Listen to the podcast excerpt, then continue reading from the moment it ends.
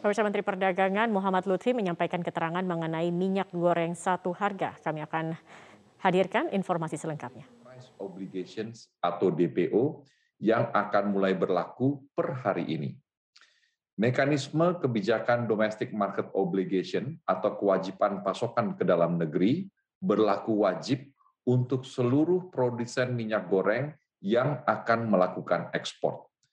Nantinya seluruh eksportir yang akan mengekspor wajib memasok minyak goreng ke dalam negeri sebesar 20% dari volume ekspor mereka masing-masing di tahun 2022. Kebutuhan minyak goreng nasional tahun ini adalah 5,7 juta kiloliter yang terdiri dari kebutuhan rumah tangga dan kebutuhan industri. Untuk kebutuhan rumah tangga tahun ini diperkirakan adalah sebesar 3,9 juta kiloliter yang terdiri dari 1,2 juta kiloliter kemasan premium, 231 ribu kiloliter kemasan sederhana, 2,4 juta kiloliter curah, dan kebutuhan industri diperkirakan sebesar 1,8 juta kiloliter. Seiring dengan penerapan kebijakan domestic market obligation dimaksud, kami juga akan menerapkan kebijakan domestic price obligations atau DPO yang kami tetapkan sebesar 9.300 per kilogram untuk CPO dan 10.300 per kilogram untuk olein. Sekedua harga tersebut sudah termasuk PPN di dalamnya. Selain kebijakan domestic market obligation dan domestic price obligation tersebut, per tanggal 1 Februari 20, 2022, kami juga akan memperlakukan penetapan harga eceran tertinggi minyak goreng dengan rincian sebagai berikut. Minyak goreng curah sebesar 11.500 per liter. Minyak goreng kemasan sederhana sebesar 13.500 per liter dan minyak goreng kemasan premium sebesar 14.000 per liter. Seluruh harga eceran tertinggi tersebut sudah termasuk PPN di dalamnya. Selama masa transisi dari mulai hari ini hingga Februari 1, 2022, maka kebijakan minyak goreng satu harga 14.000 per liter tetap berlaku dengan mempertimbangkan waktu kepada produsen dan pedagang melakukan penyesuaian. Kepada produsen, kami menginstruksikan, kami ulangi, kepada produsen, kami menginstruksikan untuk segera mempercepat penyaluran minyak goreng dan memastikan tidak terjadi kekosongan stok di tingkat pedagang dan pengecer. Dan kepada masyarakat, kami kembali menghimbau untuk tetap bijak dan tidak melakukan panik buying karena kami menjamin stok minyak goreng tetap tersedia dengan harga terjangkau. Kami juga mengingatkan bahwa pemerintah akan mengambil langkah-langkah hukum yang sangat tegas kepada seluruh pelaku usaha yang tidak patuh atau mencoba melanggar ketentuan ini. Kami berharap dengan kebijakan ini, harga minyak goreng dapat menjadi lebih stabil dan terjangkau untuk masyarakat, serta tetap menguntungkan bagi para pedagang, distributor, hingga produsen. Terima kasih. WNA asal Yordania Muhammad Naji memukul dua petugas aviation security Lion Air bernama Ahmad Tio Irawan dan Inyoman Sudiasa, serta satu orang polisi bernama Gatot Suryadi. Pemukulan terjadi di Gate 5 Terminal Keberangkatan Domestik Bandara Internasional Igusti Ngurah Rai pada Selasa 25 Januari sekitar pukul 19 lewat 40 waktu Indonesia Tengah. Awalnya sekitar pukul 15 waktu Indonesia Tengah, Muhammad Naji bersama rombongan sebanyak 8 orang, termasuk istri dan anaknya, akan berangkat ke Jakarta dengan menggunakan pesawat Lion Air. Muhammad Naji dan rombongan sudah menunggu di gate 5 keberangkatan domestik. Meski sudah menunggu, Muhammad Naji tidak kunjung mendapatkan panggilan untuk masuk ke pesawat. Ia kemudian menanyakan kepada pihak maskapai Lion Air, namun pihak maskapai mengatakan pesawat sudah terbang ke Jakarta. Muhammad Naji emosional dan memukul tiga orang petugas.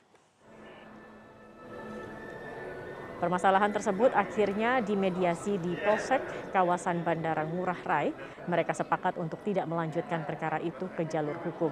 Muhammad Naji dan rombongan akhirnya diberangkatkan pada Rabu pagi pada pukul 7 lewat maksud kami pukul 7 waktu Indonesia Tengah.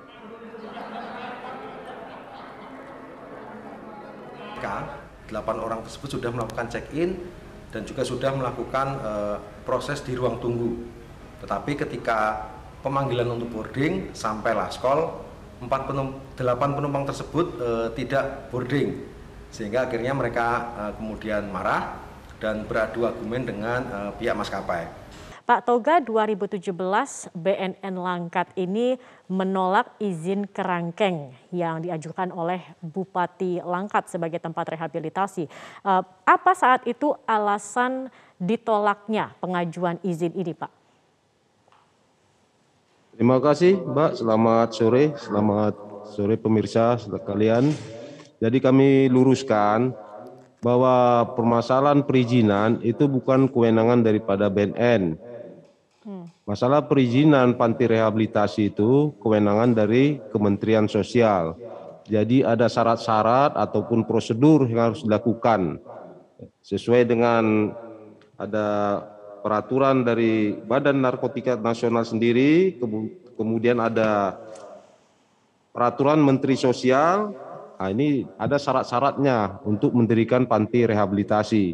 Mulai dari pengecekan lokasi itu sendiri, sarana prasarananya, bangunannya, kemudian uh, fasilitas yang ada di dalamnya itu dicek, baru nanti diajukan ya melalui pemerintah daerah kepada kementerian.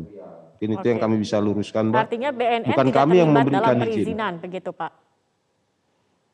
Ya, yang mengeluarkan izin itu sebenarnya Kementerian Sosial. BNN hanya Baik. memfasilitasi Tetapi ada, ya. ada pernyataan. BNN Langkat yang mengatakan pernah menolak begitu izin bu, kerangkeng Bupati Langkat bukan, ini. Bukan, bukan. Maksudnya perlu kami apa, luruskan Pak? bahwa kami dari BNNK waktu itu Baik. mendatangi ya sekitar tahun 2017 itu dan menyarankan untuk agar pihak bupati uh, membuatkan uh, permohonan untuk panti rehab. Oke. Nah, tapi sampai sekarang mereka sendiri tidak uh, melaksanakan uh, apa yang sudah kami sampaikan prosedur membangun panti rehab. Demikian, Baik. Mbak. Baik, artinya pertemuan BNN Langkat dan Bupati saat itu justru dari BNN yang menginginkan adanya panti rehab, tetapi kemudian tidak ada lagi follow up-nya seperti itu ya, Pak Toga ya, dari Bupati. Nah, ya? prosedurnya baik, tidak ada. Baik. Pak Toga, uh, kalau begitu mengapa narkoba ini menjadi perhatian khusus uh, oleh Bupati Langkat di uh, Langkat ini? Apakah memang ini sangat besar begitu kasus narkobanya di Langkat? Uh, baik, terima kasih Mbak. Perlu uh, saya jelaskan, kita sendiri di Sumatera Utara ini kan uh, angka prevalensi termasuk yang paling tinggi di Indonesia. Dari sekitar kita 14 juta penduduk, angka prevalensi kita sebesar satu setengah juta orang. Jadi termasuk besar, ya. Tidak hanya di Langkat, hampir di seluruh penjuru di kabupaten kota seluruh provinsi Sumatera Utara ini sudah sampai ke pelosok-pelosok. Inilah yang kami selama ini kami dorong para pemerintah daerah agar uh, care masalah narkoba ini sesuai dengan instruksi Presiden Bapak Presiden nomor 2 tahun 2020 agar seluruh pemerintah daerah memfasilitasi aksi nasional P4GN. Okay. pencegahan, pemberantasan penyalahguna dan peredaran gelap narkoba dan perkusor. Nah inilah yang kami dorong. Dari agar, mana Pak kalau uh, untuk langkat ini peredarannya dari mana? Mereka mendapatkan narkoba dari mana Pak Toga? Uh, seperti kita ketahui bersama banyak ya pintu-pintu masuk narkoba ya, baik dari Aceh ya, tapi Langkat, Langkat khususnya karena dekat provinsi Aceh, mungkin barangnya dari provinsi Aceh ya, banyak pintu-pintu masuk dari laut termasuk juga yang di kita di Tanjung Balai atau eh, pelabuhan-pelabuhan uh, ya itu banyak. Baik. Jadi uh, perlu diketahui sendiri untuk Langkat sendiri kawasan rawan narkoba atau waspada itu sebanyak 80 desa. Bagaimana epidemiolog melihat lonjakan kasus di Jakarta dengan kebijakan PPKM yang ada saat ini? Kita akan berbincang langsung dengan epidemiolog Universitas Indonesia, ada Tri Yunis Miko Wahyono yang sudah terhubung melalui sambungan virtual bersama kami. Selamat sore Pak Tri Yunis. Mas sore Mas Sakti. Baik, Pak Tri melihat adanya peningkatan kasus di DKI Jakarta. Kemudian Menkes juga menyebutkan bahwa DKI Jakarta ini sebagai medan uh, perang pertama untuk varian Omikron. Menurut Anda apakah PPKM di Jakarta ini harus naik atau belum belum ya. belum perlu naik? Ya, satu harus dibuktikan bahwa yang di sekolah-sekolah adalah varian Omikron. Kalau itu varian Omikron uh, yang di sekolah-sekolah, kita berarti berperang melawan lawan yang berbeda sifatnya lawan yang lebih cepat penularannya, lawan walaupun dia uh, lebih kecil severity-nya atau keparahannya, tapi lebih cepat penularannya, lima kali bahkan lebih cepat dari delta. Oleh karena itu uh, strateginya akan berbeda. Oleh karena itu PPKM eh, harus dievaluasi untuk Indonesia bahkan bukan hanya untuk DKI. Di Depok juga sudah mulai merambah Omikron, kemudian di Bekasi saya yakin itu harus diperiksa apakah uh, COVID-19-nya itu Omikron sudah menyebar ke mana-mana. Betul. Uh, kalau sudah menyebar ke mana-mana, PPKM eh, kriteria pembatasan sosialnya harus lebih uh, dari Delta begitu. Harus lebih, harusnya lima kali lipat, tapi ya harus lebih dari Delta. Kemudian kalau kita mau menyelamatkan bangsa ini, kalaupun kalau mau meningkatkan kasusnya ya gampang biarkan saja akan meningkat. Uh, tapi uh, bukan begitu. Seharusnya kita mencegah ke gelombang ketiga tidak bisa dihindari. Uh, mungkin sudah gelombang ketiga sudah di depan mata dan tidak bisa dihindari peningkatannya. Ya, sekarang yang kita bisa hindari adalah jumlah kasusnya. Jumlah kasusnya kalau dibiarkan akan melebihi gelombang pertama 18.000 kasus hariannya, bahkan bisa melebihi gelombang kedua. Di Amerika hampir mendekati uh, gelombang uh, kasus hariannya akan mendekati gelombang yang sebelumnya, yaitu satu jutaan lebih uh, orang kasus hariannya. Uh, juga di India begitu, hampir mendekati uh, gelombang sebelumnya lima uh, ratusan ribu, tapi uh, sekarang gelombang ini akan menghasilkan 300-an ribu di India. Jadi menurut saya kita jangan meniru Amerika dan India. Itu adalah kasus contoh yang salah. Jadi menurut saya pembatasan sosial eh, harus dimulai dari awal. Lebih awal lebih baik. Begitu Mas. Baik, Pak Miko tadi Anda mengatakan bahwa evaluasi PPKM ini tidak hanya harus di DKI saja, tapi juga secara nasional. Masukan dari Anda apa yang perlu dievaluasi dan apa yang perlu ditingkatkan agar tidak tidak terjadi gelombang ketiga nanti?